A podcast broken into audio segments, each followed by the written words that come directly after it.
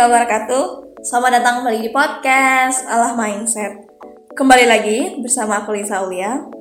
Oke, this time aku bakal nge-review salah satu buku self development yang bisa dibikin ngena banget dan sangat menjawil diri kita nih. Nah, apa judulnya? Jadi judul buku ini adalah Ego is the Enemy. Dan ini merupakan karangan Ryan Holiday. Nah, sebenarnya aku dapat rekomendasi buku ini waktu nonton videonya Matt Davella. Kalau kalian pernah lihat YouTube-nya dia, channel YouTube-nya dia. Dan dia bilang ini salah satu buku yang bisa dibilang sangat apa ya, sangat inilah sangat memaksa kita untuk sadar dengan realitas dan emang kayak dari judulnya aja udah tahu kan ini bakal ngomongin tentang ego. Nah, jadi buku ini sudah ditulis sejak tahun 2016 dan sekarang sudah menjadi international bestseller. Dan setauku ya, setauku tuh sudah ada terjemahannya, tapi aku nggak tahu ini penerbitnya siapa, belum tahu sih pastinya. Cuma sudah ada terjemahannya. Dan ini ditulis oleh Ryan Holiday. Dia ini kelahiran 1987 dan memang asli United States. Nah, jadi sekarang saat aku rekaman ini ini lagi di luar lagi hujan jadi emang suasana suasananya sendu banget. Tapi malah bikin tetap semangat untuk rekaman kali ini. Nah jadi emang aku tertarik untuk baca buku ini karena emang dari judulnya udah tahu kalau ini bakal ngomongin ego. Karena emang apa ya kita sekarang hidup di zaman yang bener-bener apalagi sejak pandemi ya kita sibuk banget di social media belum lagi bagaimana menunjukkan eksistensi, prestasi, belum lagi kayak apa ya show up apa yang udah kita lakuin, apa yang ingin kita lakuin, goal-goal kita dan sometimes kita terjebak dalam ego, ego untuk dipandang, diakui, dihargai, dipuji, dibangga-banggakan. Nah, dan mostly dari kita kita nggak sadar bahwa kita sudah terjebak di situ. Nah, ego ini tuh sen sendiri tuh kalau dari buku ini ya, ego itu lebih didefinisikan terhadap apa sih? Nah, ego ini merasa apa? Egonya adalah suatu rasa yang bahwa kita mengira diri kita adalah yang terbaik dan ego ini bisa disebut fantasi, fantasi terhadap diri kita sendiri. Jadi kita menganggap diri kita hebat, diri kita luar biasa, diri kita ini sangat inspiratif, sangat sangat apa ya, sangat benar-benar ini banget, uh, luar biasa banget pencapaiannya, yang bahkan terkadang bisa menjadi delusi, delusi alias itu nggak nyata, itu cuman dalam angan-angan kita aja. Nah, sometimes ego ini bisa nanti ngarah ke terobsesi terhadap diri sendiri, merasa yang paling keren, yang paling hebat, yang paling cantik, yang paling ganteng. Terus ujung-ujungnya juga bisa iri pas lihat orang lebih, terus kita ngerasa kayak wah nggak nggak bisa orang lebih dari gue, padahal gue lebih lebih better atau kayak ya kayak gitu ya. Dan masalah egonya apa sih sebenarnya? Kalau di dalam buku ini sendiri sebenarnya diterangkan bahwa ego ini yang sebenarnya mencegah seseorang tuh mencapai kesuksesan. Nah, kenapa? Nah, kita bakal lanjut nih bahas.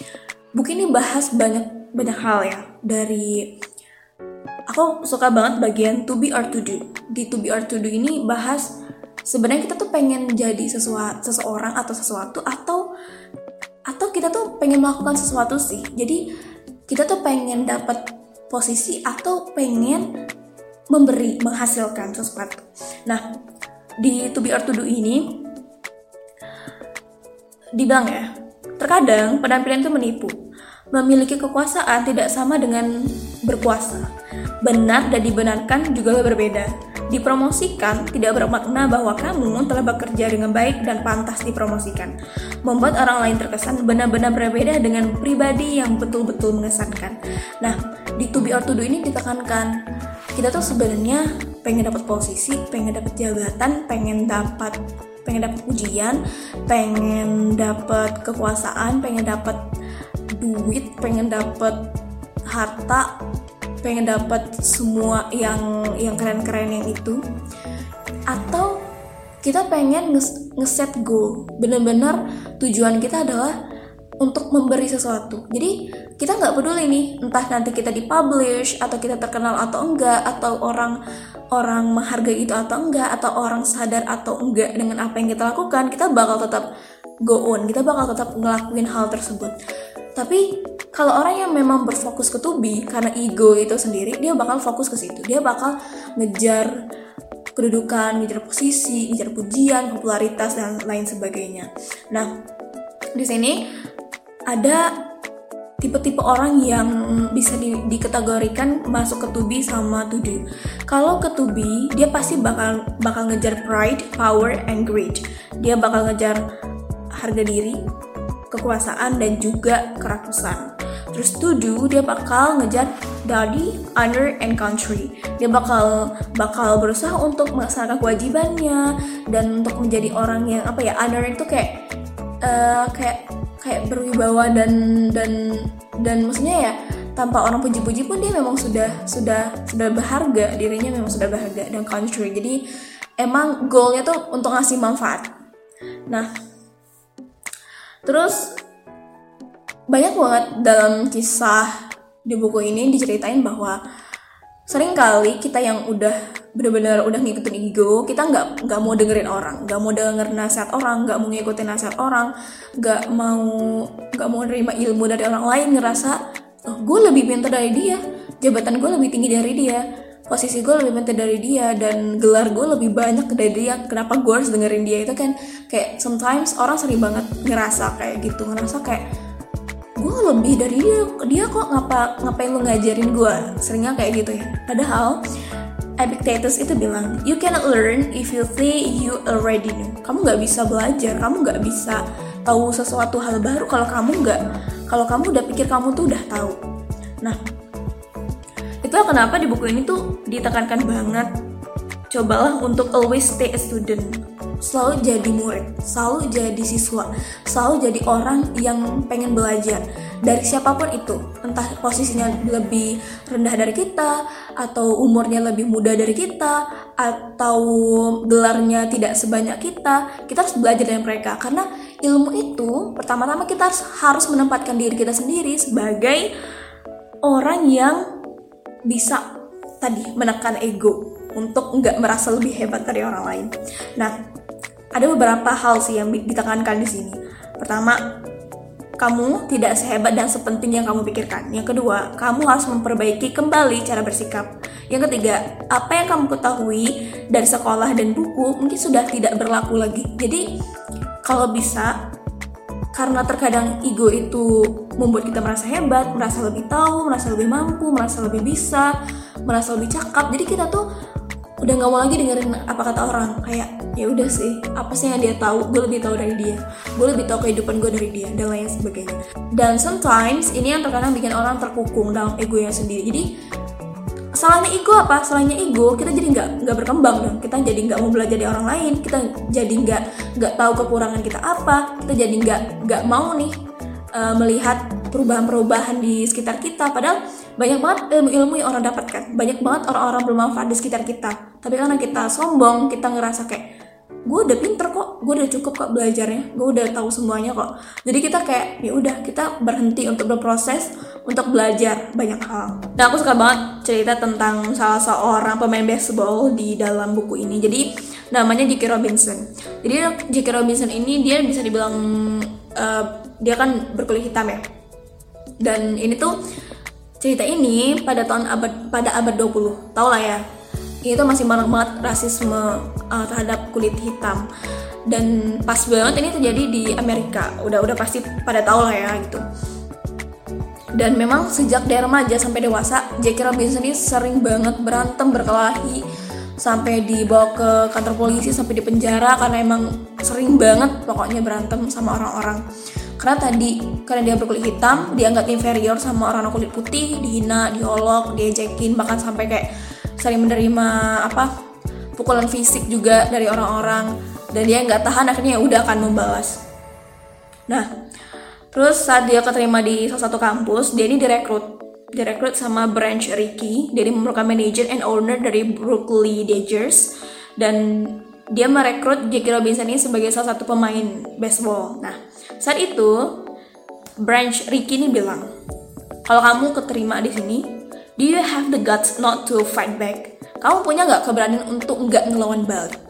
Terus dari situlah si J.K. Robinson ini bener-bener kayak menetapkan hati, bener-bener kayak bener-bener berkomitmen whatever people do dia nggak bakal ngebalas nggak bakal pokoknya dia bakal menahan diri dan emang sih yang apa ya kalau aku bilang bisa dibilang dia benar-benar menekan egonya benar-benar banget di sini.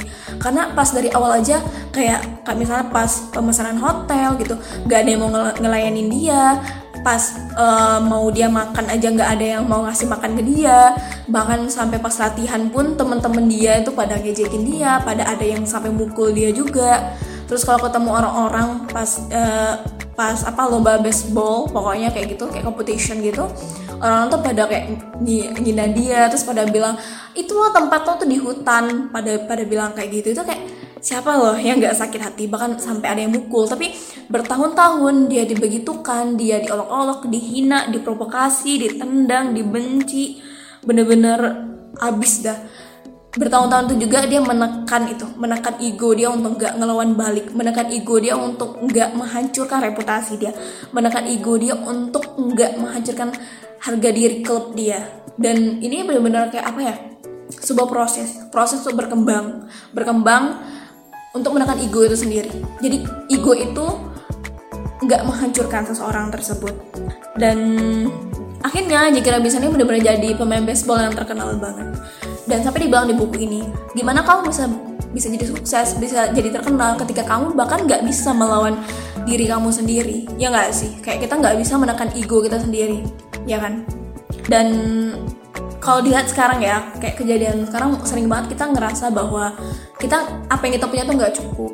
Apa yang kita miliki nggak cukup. Semua itu kayak kita pengen lebih. Saling ngeliat apalagi kayak sekarang sering banget ya orang kayak comparing each other kayak wah HP dia lebih bagus sih dari HP gue terus wah dia prestasinya lebih banyak dari prestasi gue kayak gitu kan. Kita sering banget comparing kayak gitu. Padahal hal itu yang bikin kita nggak nggak pernah bahagia. Kita nggak pernah bahagia dengan apa yang kita punya. Kita malah menginginkan milik orang lain. Bahkan kita kita pengen lebih.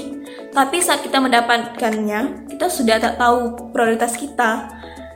Ego sering kali menipu dan menghancurkan kita dari buku ini aku belajar bahwa ego ini benar-benar apa ya seriusly benar-benar bisa banget ngehancurin seorang pribadi ego ini yang menghadirkan seorang pribadi. Kenapa aku bisa bilang kayak gitu? Kalau kita udah ngikutin ego, ego ini yang bakal menuntut kita untuk mendapatkan pujian, pengakuan, dan banyak hal lain itu dengan cara apa pun. Baik cara itu benar atau enggak.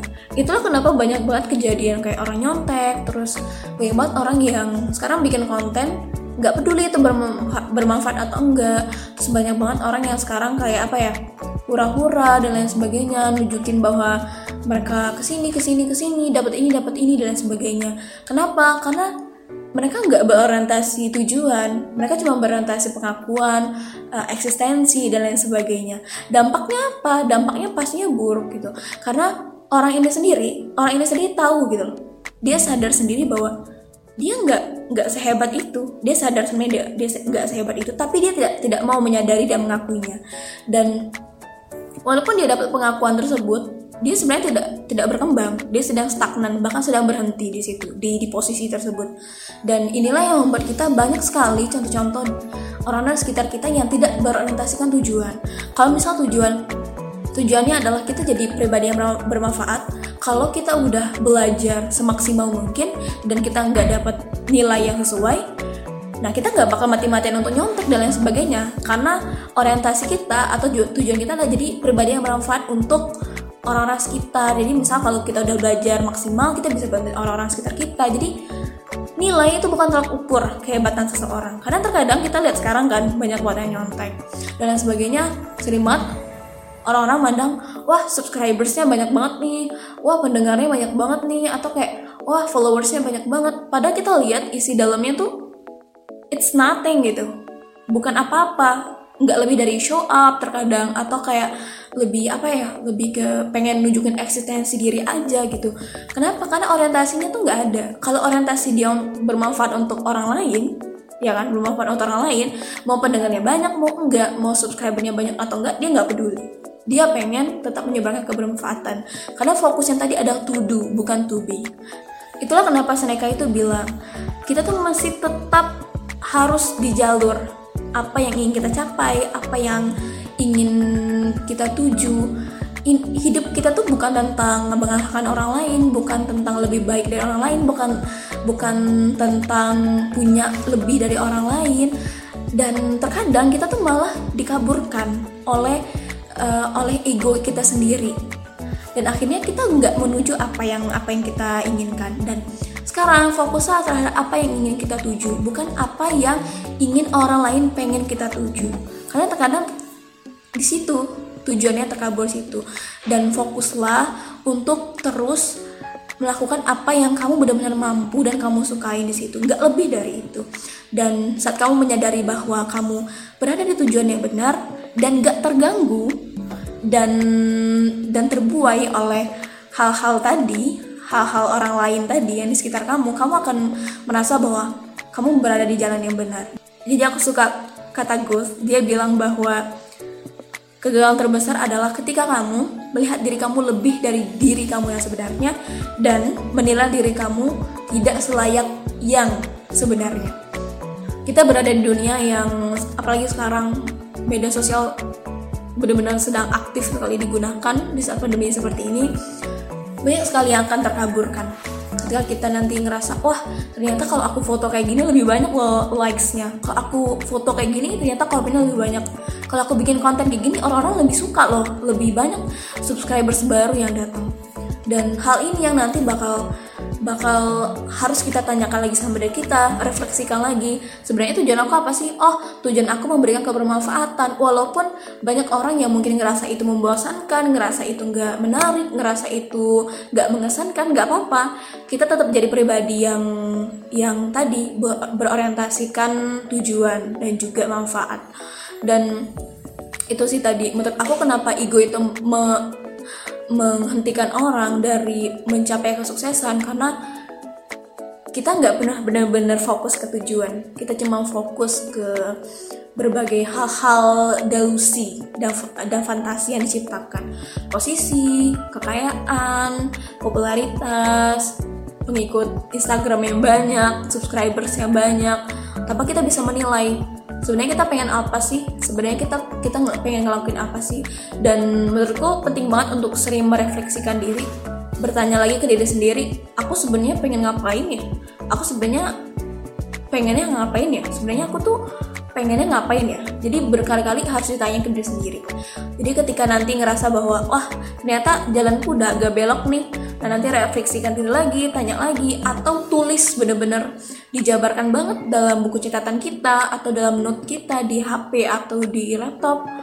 Say to, to yourself apa yang benar-benar pengen kita lakuin, pengen kita capai, pengen kita tuju, dan itu nggak nggak terpengaruh dari orang lain, nggak terpengaruh dari ego kita yang pengen diakuin. Karena emang benar gitu, ini saat di mana kita benar-benar dipertanyakan tentang tentang tentang apa sih yang sebenarnya pengen kita lakuin. Dan itu tadi sih menurut aku. Kita harus pinter-pinter lagi kan bertanya sama diri kita sendiri. Kita sebenarnya pengen di posisi to be atau to do sih sebenarnya. Karena sering kali orang yang bangga akan memandang rendah orang lain dan tentu saja ia tak akan bisa melihat hal yang di atas karena sibuk merendahkan orang lain. CS Lewis. Semoga review kali ini bisa memberikan manfaat untuk teman-teman. Dan aku pun sendiri merasa buku ini membantu banget untuk diri aku sendiri. Kayak kalau ngerasa bahwa kamu sudah dituntun oleh ego coba berhenti sebentar bertanya sebentar sama diri kamu sendiri tetapkan hati teguhkan komitmen kalau kita sebenarnya pengen ketujuan yang sebenarnya bukan sedang mencapai hal-hal ambigu yang itu nggak bakal pernah membahagiakan kita sendiri gitu karena kebahagiaan itu bukan bukan seberapa banyak dari angka-angka yang bisa bisa diukur dan lain sebagainya tapi kebahagiaan kebahagiaan dan kesuksesan itu adalah ketika kita benar-benar mampu bisa berkontribusi dan bisa menciptakan hal-hal nyata dan hal-hal baik bagi masyarakat ya nggak sih Terima kasih sudah mendengarkan episode kali ini. Semoga kalian bisa memetik sebuah nasihat atau sebuah hal baik dari episode kali ini. Aku sarankan banget untuk baca buku ini walaupun ngerasa bahwa aduh kadang kayak merasa tersudutkan merasa bahwa banyak banget kekurangan sering banget ngikutin ego kita harus belajar kan belajar untuk mengoreksi diri kita sendiri melihat secara jujur kekurangan kita apa kelebihan kita apa dan tidak melebih-lebihkan jangan sampai kita ngerasa kita lebih padahal sebenarnya kita belum belajar apa-apa kita belum punya apa-apa kita belum mencapai apa-apa karena tadi bukan tentang to be tapi tentang to do Sekian episode kali ini. Thank you so much for listening. Wassalamualaikum warahmatullahi wabarakatuh.